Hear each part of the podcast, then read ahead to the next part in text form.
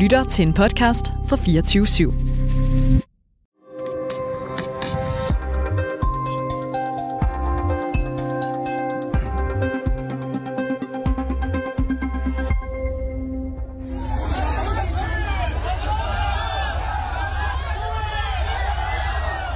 En gruppe mænd og kvinder er samlet foran et universitet i Jalalabad i det østlige Afghanistan. I hænderne holder de skilte, imens de med vrede råber op. De protesterer imod Taliban-styrets forbud mod kvinder på landets universiteter. Få dage senere melder Taliban ud, at kvinderne nu, nu heller ikke må arbejde på landets NGO'er. Taliban har med andre ord indført en række strenge restriktioner for kvinder på det seneste. Restriktioner, som man håbede ville udblive, da bevægelsen igen fik magten i Afghanistan forrige sommer og kaldte sig for en ny bevægelse. Du lytter til konfliktzonen, hvor vi i dag går tæt på de afghanske kvinders aktuelle forhold under Taliban-styret. For har Taliban på halvandet år slettet 20 års vestlig demokratikamp og sendt de afghanske kvinder tilbage til de mørke slut 90'ere.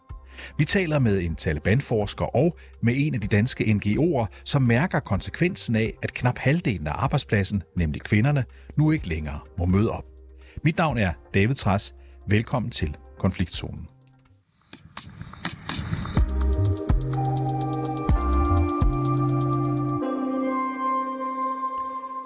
Forrige sommer trak den USA-ledede alliance sig som bekendt ud af Afghanistan, to årtier efter at de invaderede landet og smed den islamisk fundamentalistiske Taliban-bevægelse af magten. Og mens amerikanerne stadig var ved at evakuere i august 2021, rullede Taliban ind i Kabul og tog magten tilbage. De fremstillede nu sig selv som en mere moderat og mere politisk moden bevægelse. Blandt andet lød det, at kvinder nu ville få lov til at tage del i samfundet i højere grad, end det var set før. Men det er altså ikke det, vi ser nu i virkeligheden. Tvært imod. Mona Kanval Scheik, velkommen til programmet. Mm, tak skal du have. Du er seniorforsker ved Dansk Institut for Internationale Studier og er ekspert i Taliban. Prøv lige at lade os få slået fast øh, til at begynde med. Hvad er det konkret kvinder i Afghanistan ikke længere må?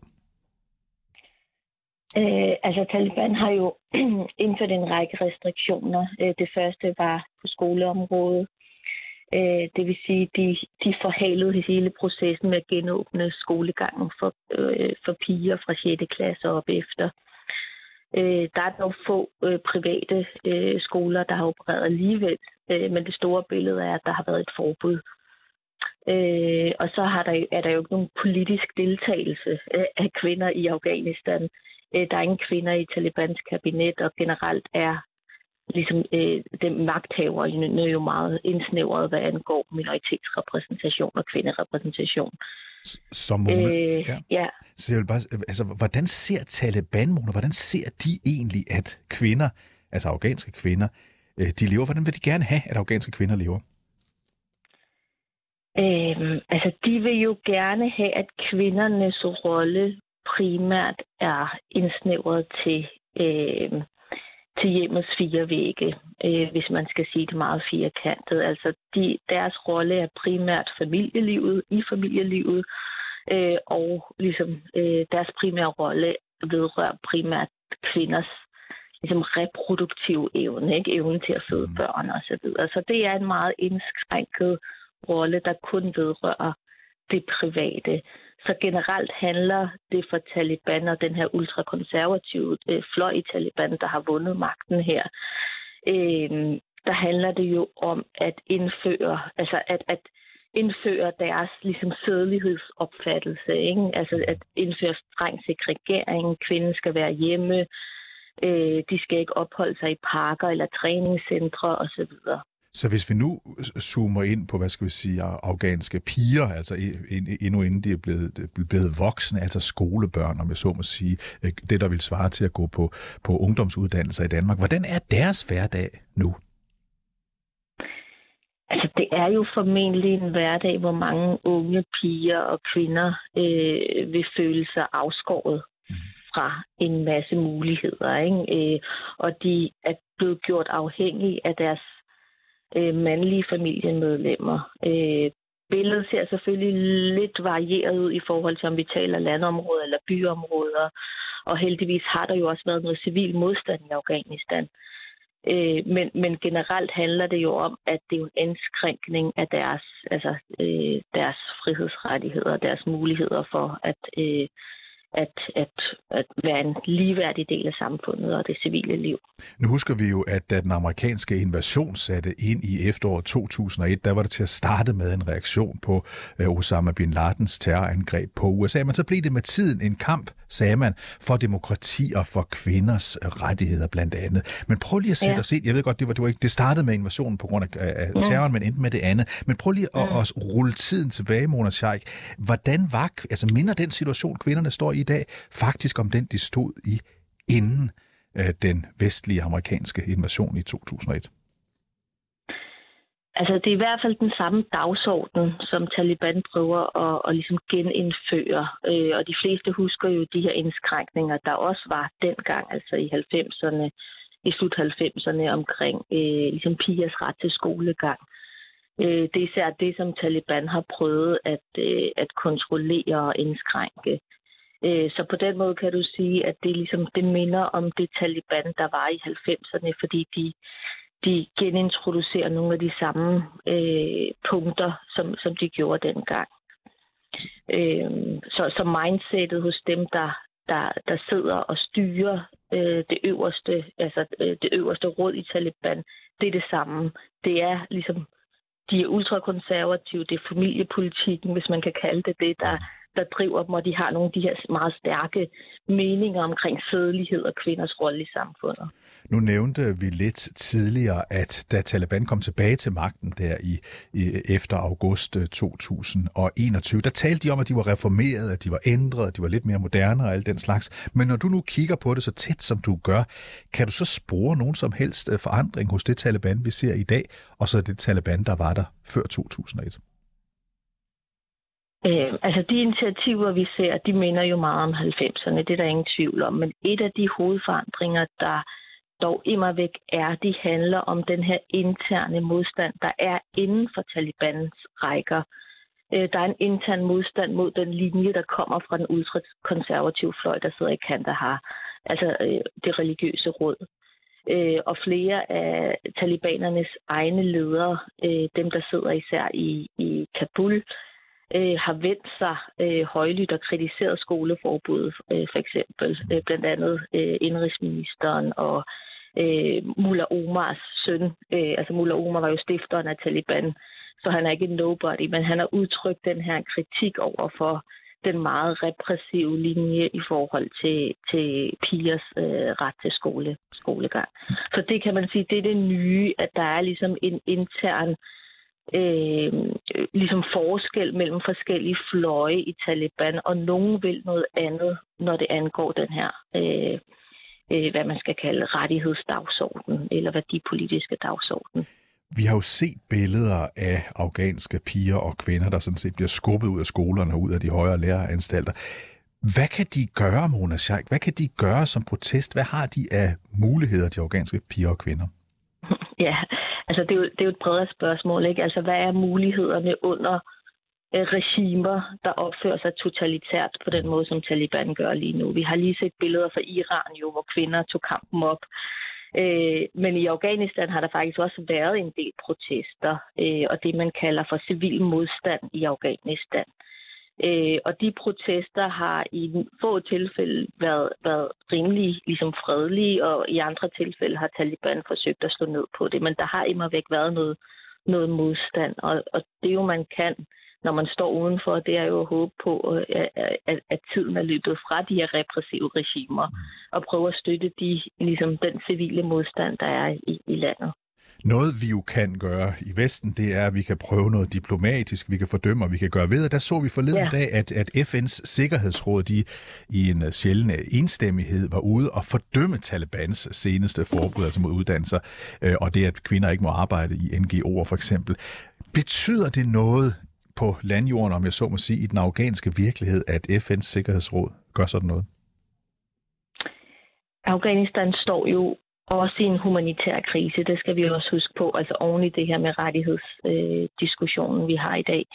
Øh, så hvis NGO'er får sværere ved at operere øh, i Afghanistan, så gør det selvfølgelig situationen meget vanskelig for civilbefolkningen. Men fordømmelserne, altså fordømmelserne, der kommer fra FN, betyder selvfølgelig noget i forhold til, at Taliban gerne vil have den her internationale anerkendelse. Øh, og, og nu får de jo markeret en grænse fra det internationale samfund. Og også, skal man huske på, fra en række muslimske lande og lærte, øh, der har kritiseret den her repressive øh, linje. Og det er måske endda mere smertefuldt for Taliban, øh, tænker jeg, fordi de har jo ud, tidligere udtrykt det her behov for anerkendelse og økonomisk samarbejde i nærområdet, ikke? altså med mm og med andre muslimske øh, lande. Så derfor er det nok ikke det, som de havde håbet på, havde været reaktionen. Nu ved vi jo alle sammen godt, at Taliban ikke har mange venner i de vestlige regeringer og den slags. Men har Taliban, Mona, nogen venner i omverdenen, altså lande? Øh, de har ikke mange venner, men de har dog haft øh, vendt sig mod øh, blandt andet Rusland øh, og Kina øh, Iran, øh, Pakistan, øh, i den her, øh, det her forsøg på at, at være mere ligesom selvforsynende og selvstændiggøre sig fra vestens indflydelse. Øh, og de har udtrykt det her øh, ligesom behov for handel og øh, ligesom samarbejdsrelationer regionalt. Øh, og det er de jo afhængige af i forhold til at skulle, altså hvis de skal kunne håndtere den her kriseramte økonomi, som Afghanistan også er øh, ramt af, øh, og den humanitære situation i øvrigt, ikke, hvor der er fødevaremangel og, og, og diverse andet. Øh, så, så på den måde kan du sige, at øh, de, har, de har lavet nogle strategiske alliancer med lande, som øh, værdimæssigt, hvis man kan kalde det, det ligner lidt sig selv, eller som også værdipolitisk øh, øh, kendetegnes ved at være ret øh, konservativ eller øh, ikke øh, gør særlig meget ud af menneskerettighedsdagsordenen osv. Tusind tak, fordi at du var med, Mona Kanval Scheik. Tak fordi du var med. Selv tak. Senior, Selv tak. Altså seniorforsker ved Dansk Institut for Internationale Studier og ekspert i Taliban.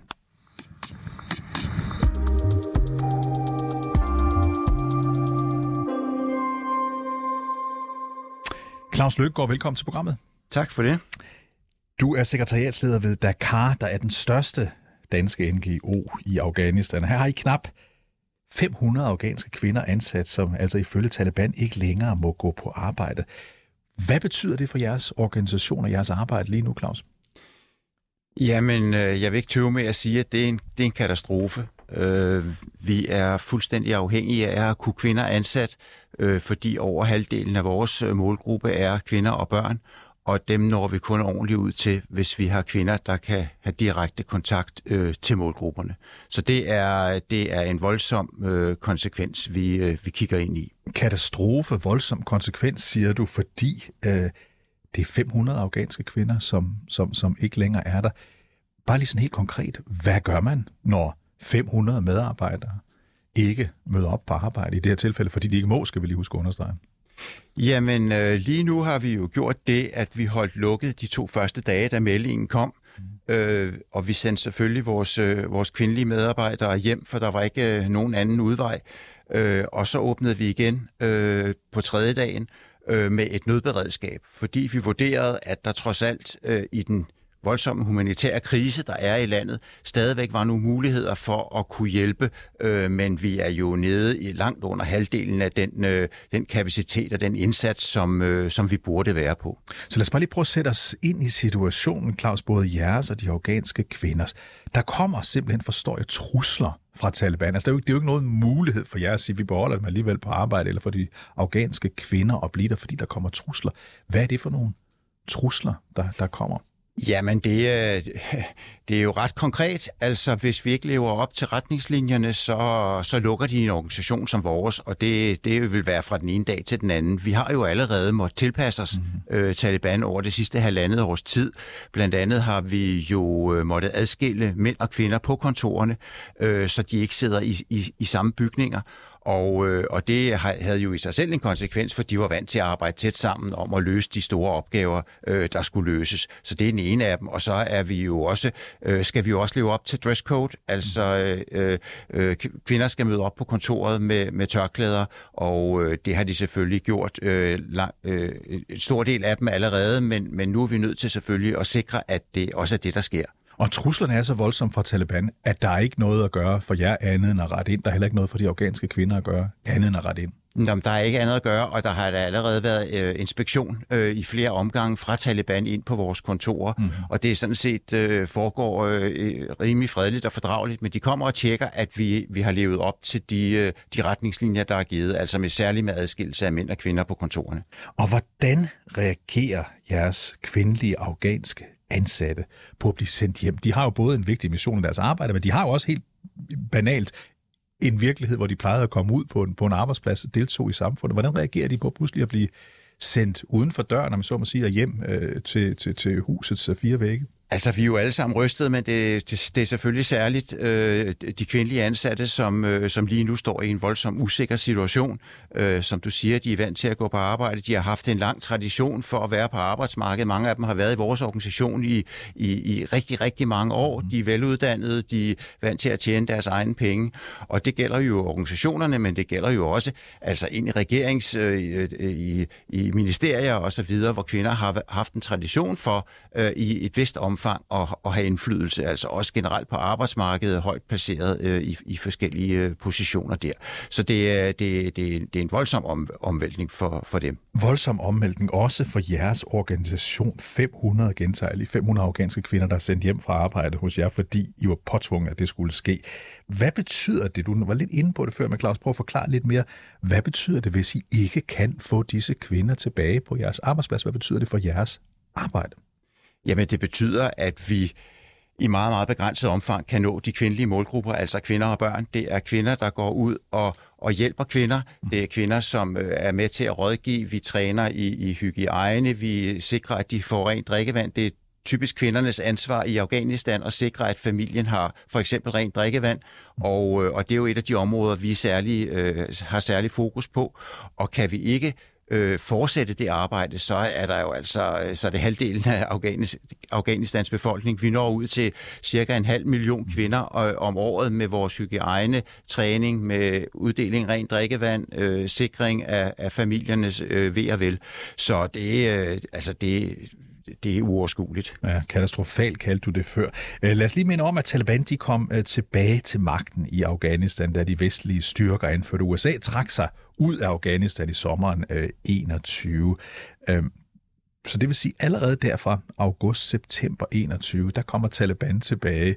Jeg mener om, at de sagde, at de var blevet mere moderne og alt det der, øh, som der ikke er så meget, der tyder på øh, i dag. Så prøv at fortælle, øh, fortæl os, altså, hvordan havde det allerede påvirket jeres arbejde, at Taliban var kommet tilbage, inden de altså slog med den store hammer her før, før jul? Hvordan påvirkede det allerede der? Altså, og måske skal vi starte der, hvor vi er nu, fordi mm det vi ser, i, øh, der sker nu, er, at øh, der bliver langt mere centraliseret lovgivning, mm. altså national lovgivning øh, udstukket af Taliban, hvor det startede øh, med, at, øh, at Taliban kom til magten, men jo ikke havde traditionen for at, at sidde på magten, og det vil sige, at rigtig mange af beslutningerne blev taget lokalt ude i distrikterne, ude tæt på, også på vores målgrupper derude. Og det betød, at vi kunne forhandle os på plads med de lokale godt nok nye Taliban-ledere, også med et andet mindset, men alligevel øh, fik vi mulighed for at, at forhandle, have dialogen med dem, og vi har kunne sige indtil for, ja, ganske få uger siden, at vi, øh, vi faktisk kunne være på det samme niveau. Altså vi kunne også nå øh, ud med projekter særligt målrettet kvinder, for eksempel kvinder i beskæftigelse og, og så videre. Og det vil sige, det, det kunne vi forhandle på plads lokalt. Nu sker der en stramning. Nu bliver det tydeligt, at Taliban øh, samler magten, øh, både med et signal øh, selvfølgelig til det afghanske folk, men også, tror jeg, et internt øh, signal til Taliban, som jo ikke nødvendigvis er et hoved. Det har været mange fraktioner, øh, og er det stadigvæk, og nu ser vi altså, hvem der er magthaverne, som jo nok har vist sig at være den konservative fløj af, af Taliban, virkelig strammer grebet og, og, og, og implementere nogle af de her ting, som vi har frygtet ville komme, men øh, altså det, der skete øh, første juledag, havde vi, havde vi på ingen måde se, øh, set skulle komme. Det havde I ikke set skulle komme. Det havde jo blandt andet ikke, fordi Taliban sagde, da de kom tilbage til magten der sensommeren efteråret 2021, altså for sådan lidt mere end et år siden, at, øh, at de var en forandret størrelse i forhold til det, vi kendte inden den vestlige invasion øh, i 2001. De indfører stramninger, stramninger, stramninger. Nu også de her. Du sagde, at I ikke kunne se det komme der ved første juledag. Er du, er du, sådan, er du sådan grundlæggende overrasket over at se, at Taliban opfører sig, som Taliban nu opfører sig? Det må jeg sige, også fordi vi sådan set har følt, at vi at vi havde en plads, og at også Taliban øh, anerkendte behovet for de indsatser, som ikke kun Dakar, men, men internationale og nationale organisationer øh, kunne give øh, til befolkningen i landet. Og øh, altså, Taliban ved jo også godt, at det er et land, der, der ligger fuldstændig ned. Øh, finansiel øh, krise, voldsom krise, øh, flere års tørke, øh, sult og hungersnød, og folk dør jo for første gang i mange år, øh, dør jo af sult øh, i, i Afghanistan. Så vi havde egentlig en fornemmelse af, og det var også det, jeg sagde før med forhandlingerne med de lokale talibanledere, at, øh, at de faktisk godt kunne indse, at, øh, at der var et behov for vores indsats. Og så kommer denne her, som jo er en kæppe hjulet på, på en, en, en rigtig stor del af det arbejde, vi skal kunne gennemføre. Så som det ser ud lige nu, så er din klare fornemmelse, at hvad skal man sige, ideologi, islamistisk, konservativ ideologi, har vundet over den virkelighed, det er i Afghanistan, at fattige, fattige mennesker får det værre og værre. Sådan er situationen lige nu. Så lad os lige til allersidst, øh, Claus, øh, prøv lige, du må sidde og tænke over, hvordan i alverden får jeg nu min organisation Dakar til at fungere fremadrettet. Hvad, hvad, hvad, hvad tænker du der? Altså lige nu er vi der, hvor vi jo går sammen med de øvrige organisationer, og øh, vi går også sammen med de helt store spillere på banen, som er FN, EU øh, og så videre. Og det, vi har vi har daglige møder øh, på højt niveau øh, mellem de forskellige organisationer og prøver at finde ud af, hvad, hvad del, dels har vi besluttet, jamen lad os prøve at blive helt tydelige, hvad er konsekvenserne af det her. Mm. Altså vi kan se det inde i vores egne organisationer, men øh, det samlede billede, altså det er jo ikke kun Dakar, det her rammer. Det rammer rigtig, rigtig mange organisationer. Og hvad, hvad betyder det? Hvad har det af konsekvenser? Og så, øh, og så lægger vi jo, forsøger vi på i alle de forer, vi overhovedet kan, mm. at lægge pres på, på den afghanske regering. Der er en dialog. Skal man sige noget positivt, så er det faktisk, at vi, vi, har, vi har formået at skabe en dialog med den afghanske regering, og, øh, og lige nu ser det ud som om, at det, det er en dialog, vi de er interesseret jeg ved ikke, om de er interesserede, men i hvert fald har de sagt ja til at fortsætte den, og det på allerhøjeste niveau, altså med økonomiministeriet osv. Godt, at vi i det mindste sluttede på en positiv øh, note, en lille en i hvert fald. Claus øh, Lykkegaard, tak fordi at du var med. Selv tak. Altså sekretariatsleder i den danske NGO Dakar, øh, der arbejder i Afghanistan.